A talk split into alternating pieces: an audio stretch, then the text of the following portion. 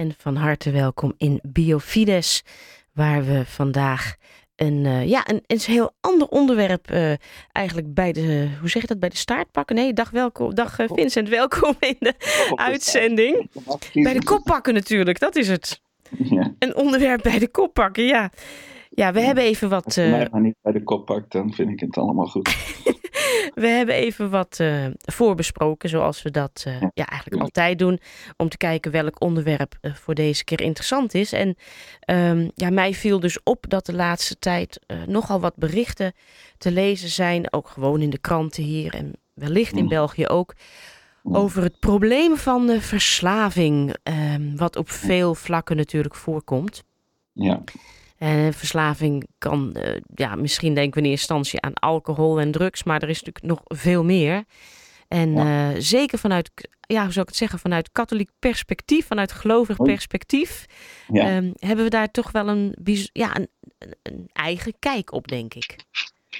Ja, ja. Uh, en dat wil je dat ik even uitleg. Hè? Nou ja, ik was ook benieuwd, maar dan weet ik dus niet hoeveel jij daarover kan zeggen. Wat, ja. um, wat verslaving eigenlijk is. Uh, wat wat, ja, doet, het, hè, wat uh, doet het met je? Wat, want nou er gebeurt van binnen iets.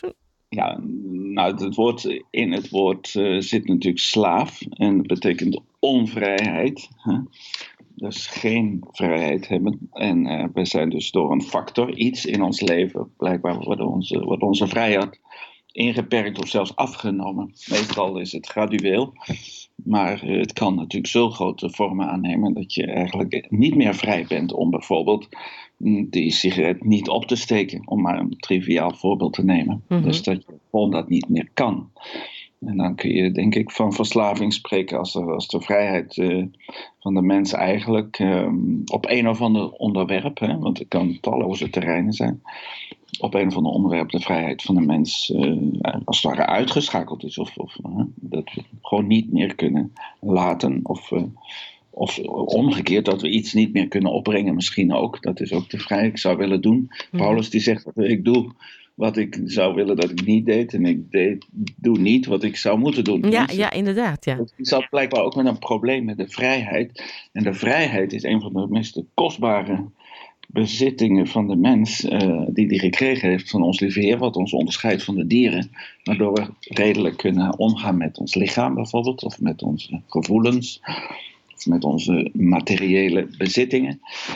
Nou, dus op al die terreinen kunnen we dus, kan die vrijheid zodanig aangetast zijn dat we er eigenlijk vers, ergens aan uh, verslaafd zijn. En dat kan uh, een televisieprogramma zijn, dat kan uh, het internet zijn, dat kan ook een, een, stof zijn. Ik heb eens even gekeken in de voorbereiding op een website van de Hersenstichting, een Nederlandse Hersenstichting. Ja. Die heeft een pagina over verslaving.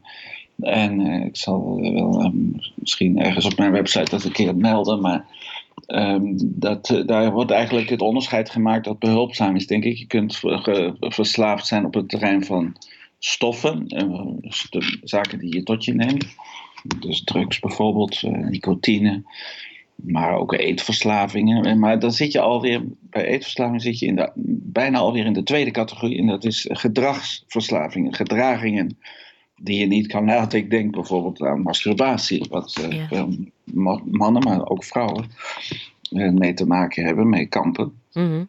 Dus dat is een seksuele verslaving. Dat is geen stof, maar dat is een gedrag. Ja, ja, ja. En seksualiteit is een fantastisch mooi ding. Maar ja, we kunnen alles, uh, alles in overmaat of ongecontroleerd of zelfs, en daar komt het woord weer, onvrij worden ten opzichte van onze werkelijkheid. Hè? Ook onze seksuele werkelijkheid. Ja, ja. Dus dat, uh, dan, ga je spreken van verslaving. Nu, de, de roeping van de mens, als je nu wil dat ik vanuit een katholiek perspectief praat, um, dan is natuurlijk de roeping van de mens is om is een vrij, geschonken vrijheid uh, goed te beleven. Dus vrijheid is niet uh, doen wat je, waar je zin in hebt. Dat, is wat, dat lijkt even oppervlakkig op vrijheid. Maar als je wordt je zin uh, uit die zin oplicht, dan kan het wel eens zijn dat je zoveel zin in iets hebt dat je blijkt aan iets verslaafd te zijn. Dus dan is doen waar je zin in hebt eigenlijk uh, toegeven aan een verslaving. Dus dat is heel subtiel, hè? Ja, ja, ja, ja, ja. Dus in de katholieke denken, is de vrijheid, is datgene, dat apparaatje als het ware, dat we in ons hebben, dat ons in staat stelt om het goede te doen. Dat het werkelijk goed is voor onszelf, voor onze naasten, voor de wereld, voor het milieu, voor God uiteindelijk. En uh, dus dat is een hele andere vorm van vrijheid. Dus als iemand zegt: Ik ben vrij om uh, mezelf uh, te laten doden als ik leid, om maar eens een ander onderwerp te nemen, mm-hmm. dat is, dat is ook benutten van je vrijheid, maar dan doe je alleen niet het goede. Dus ja, dan is het toch weer niet goed. Ja. Dus, dat, dus dat is een beetje goochelen met woorden misschien. Maar dus de, de, de, de, verslaving waar je ongetwijfeld op doelt, zijn die dingen die in de media komen. Mm En meest, denk veel aan de orde is nu de, de internet- of, of beeldschermverslaving. Ik zit hier, eh, terwijl ik eh, met jullie spreek, met de luisteraars dit vertel, naar twee beeldschermen te kijken. Eén op laptop, op een laptop. Ja. dus de verbinding doorheen spreken. En een andere is uh, een groot scherm waar ik een die website open heb staan van de Hersenstichting over verslaving. Om te kunnen spieken als het nodig is. Enfin, maar dus wij zijn, uh, dan heb ik ook nog een, een, eh, een smartphone. Ik mag geen reclame maken, dus ik zal mijn naam niet zeggen.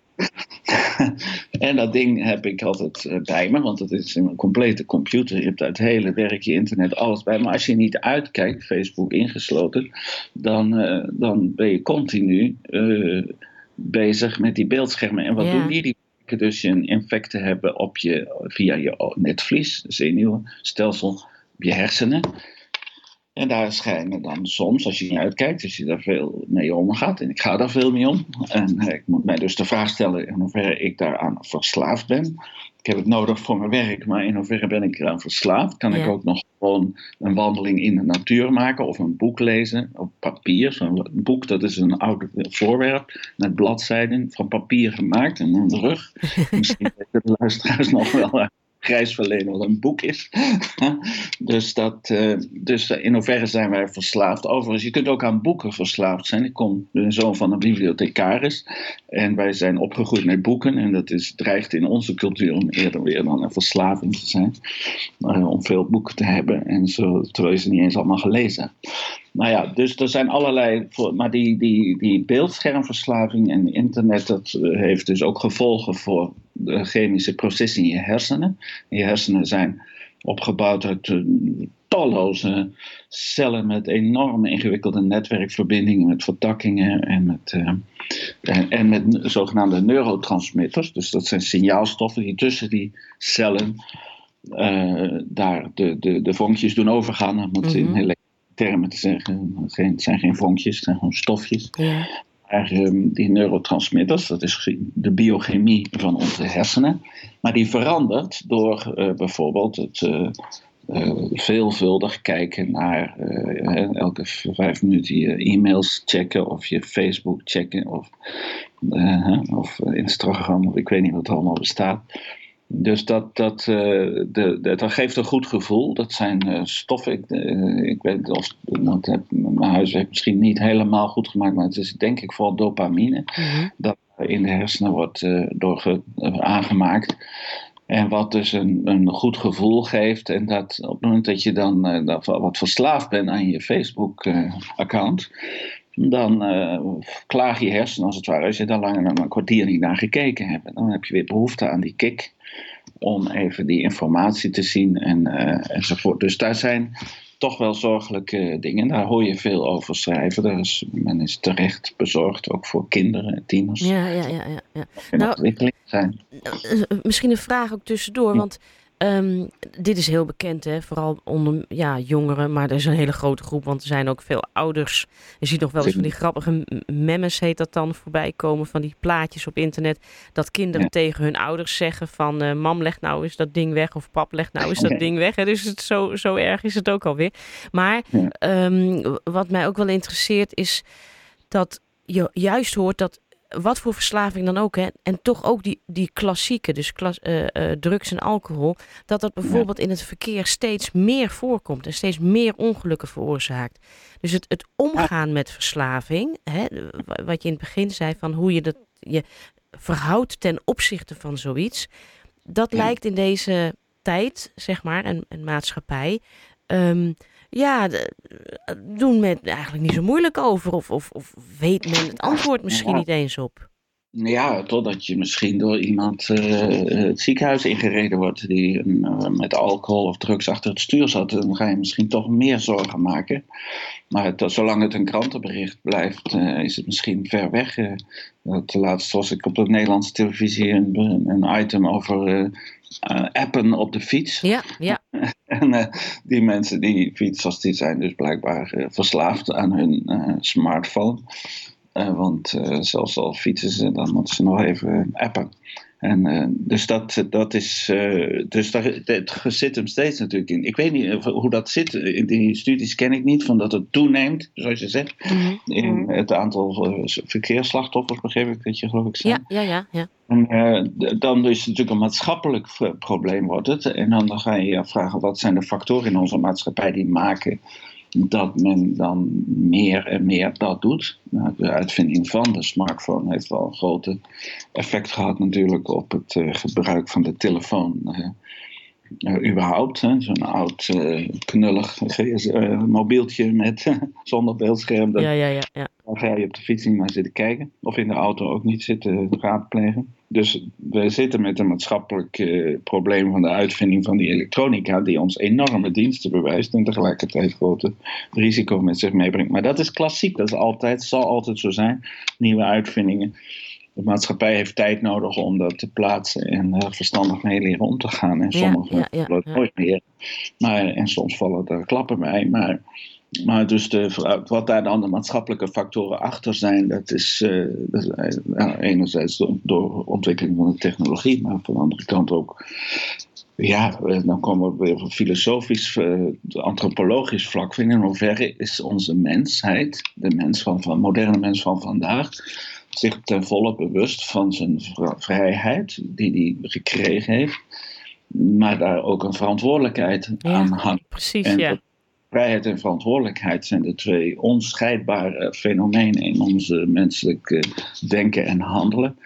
Die, eh, die ons, eh, zoals ik in het begin zei, wezenlijk onderscheiden van de dieren. Je gaat nooit een hond schuldig verklaren aan, ja, hij heeft misschien eh, gebeten, maar je gaat hem niet persoonlijk daar verantwoordelijk voor omdat de hond niet echt persoonlijke verantwoordelijkheid kan nemen, mhm. maar voor zaken. Dus je kunt hem straffen, maar dat is meer om pedagogisch om hem te drillen dat hij het niet nog een keer doet. Maar, ja, ja, ja. Uh, maar niet omdat je persoonlijk hem dat persoonlijk kwalijk neemt. Maar de mens wel. Die mens kun je verantwoordelijk houden voor het feit dat hij appt op zijn fiets. Of dat hij, uh, als hij een ongelukkig huwelijk zit, uh, misschien naar beelden op het internet gaat kijken die. Mm -hmm. ja, ja, ja, begrijp ik. Ja.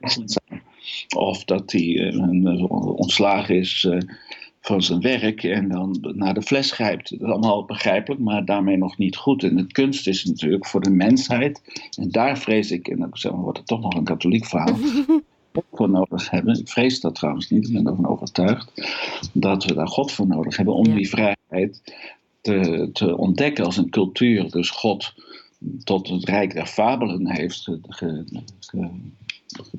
hoe zeg je dat, geclasseerd of ja, ja, ja, ja. verwezen ja. bezig, precies. Ik moet mijn Hollands weer een beetje ophalen. dan, ehm, dan is het natuurlijk, eh, dan vrees ik dat we uitermate, dat we onszelf geweld aan doen, omdat we onze diepste wezen en onze diepste roeping uh, als mens in de wereld uh, op aarde, de jaren dat we ons gegeven zijn, gaan missen of niet goed gaan begrijpen. En dat we onze vrijheid minder goed begrijpen. Dus gaan verkeerd uitleggen van ik mag doen wat ik wil, dus ik mag appen op de fiets en zolang ik geen bekeuring krijg is het oké. En uh, dat is een verkeerde uitleg van, van je vrijheid. De vrijheid is het goede te doen wat voor iedereen goed is. Ik denk dat uh, heel in het bijzonder wel voor ouders uh, het uh, een, een, extra uitdaging is om, in, ja. precies zoals jij het verwoordt in deze tijd, dat vrijheid natuurlijk bijna uitsluitend wordt geïnterpreteerd als ik mag alles wat ik wil. En ja. uh, zolang als ik ermee wegkom is het allemaal prima. En uh, nog meer dan dat. Hè. Kijk maar naar uh, de vrijheid die genomen wordt om overal iets van te vinden en tegen te zijn en je rechten op te eisen. Dat het ja. voor ouders inderdaad een hele uitdaging is om de juiste begrip van vrijheid aan je kinderen door te geven. En, en ook misschien onderling met vrienden en uh, als je Ja. jong... Hè, dat is, ja, ja, klopt. Maar inclusief de verantwoordelijkheid die daar dus bij komt. Ja. Want vrijheid leidt automatisch tot, tot, tot het feit dat je ook dan verantwoordelijk mag worden gehouden voor wat je in vrijheid hebt besloten te doen. Ja. Eh, maar om die vrijheid te herontdekken en die verantwoordelijkheid, daarvoor hebben we nodig te begrijpen hoe, hoe, naar wiens beeld eh, de mens eigenlijk gemaakt is. En dus te ontdekken wat het mysterie is van, van wie wij zijn en ten diepste zijn. Ja. En dat, dus dat aanwenden van de vrijheid om het goede te doen. Ik heb gekozen uit vrije wil om eh, tijd te besteden aan die eenzame vrouw die daar eh, aan het flatje zit. eh, eh? Ja. Of ik, ik, ik heb uit vrijheid dat, die, dat herontdekken van die vrijheid. Ik kan, eh, ik, het is een eh, stelling die ik dan maar poneer, maar ik denk dat je dat eh, eigenlijk zonder God haast niet lukt. Hoewel je denk ik als mens op redelijke gronden al heel ver kan komen. Je kan zeggen, ja, ik, ben, ik heb een vrije wil, dus ik ben er verantwoordelijk. Dus moet ik op en ik moet natuurlijk het goede doen. Dus dat is allemaal nog niet religieuze taal. Dat is nog hè, op een menselijk begrijpbare vlak. Eh, dus je kunt redelijkerwijs al tot de conclusie komen dat, je, dat, je, dat vrijheid is. Dus bijvoorbeeld niet toegeven aan die, eh, die, eh, Die die verslaving, Facebook-account of die pornografische beelden of die depressieve gevoelens die me toe aanzetten tot. Maar dus dat we, dat in redelijkheid kunnen we eigenlijk al tot die conclusie komen, maar we hebben de kracht. Benedictus XVI zegt ergens van ja, we hebben, God geeft ons daarop bovenop de motivatie, zegt hij ergens in onze klik, ik ben vergeten welke, om dat goede te doen. Ja. Eh, de innerlijke drang, innerlijke verlangen. En daarvoor heb je, een, als je een goede vriend in de hemel hebt, God dus, dan, dan wordt het heel anders. Want dan ga je ontdekken de, waar die vandaan komt. En ik, ik wil toch nog iets Als zeggen over- laatste, als laatste dan, Vincent? Ik, ik zeg ook te veel. Maar dat is dat, dat, dat eh, de, de onderliggende factoren van een ongelukkig huwelijk, een, eh, werkeloosheid, eh, uitzichtloosheid, wanhoop, eh et cetera, dat die zich eh, laten overwinnen en als genezen als het ware in ons door met God verbonden te zijn, die Ja. de bron is van vrijheid en verantwoordelijkheid. Ja. En die ons in de kracht en de innerlijke motivatie geeft om het goede te doen met doen. vrijheid. Ja. En, eh, en dat is de, de sleutel. Dus ik denk dat we moeten evangeliseren en God eh, aanroepen en herontdekken in ons leven, ook als maatschappij, om hier, hier echt een antwoord op te vinden. Punt. nee, heel mooi. Ik, ik, ik, ben het helemaal met je eens. Ik vind dat je het heel mooi verwoordt. En ik, ik, ik hoor zelfs een, eh, een titel van een serie, De Herontdekking van de Vrijheid. Ik, eh, ik, Oh. ik zie het helemaal zitten eigenlijk. Maar goed, wie weet, wie weet, hier op Radio Maria. Heel veel dank Vincent voor eh, deze keer in Biofides over de vrijheid en nou ja, eigenlijk naar aanleiding van het onderwerp verslaving. En de volgende keer dan eh, pakken we weer een ander onderwerp bij de kop. Veel dank. Of bij de staart. Of bij de staart. We weten het. We, we bekijken het dan. Ja. Heel veel dank. Ik, eh, ik ga Biofides hierbij afsluiten. Eh, dank u wel voor het luisteren naar dit programma. En tot een volgende keer zou ik zeggen.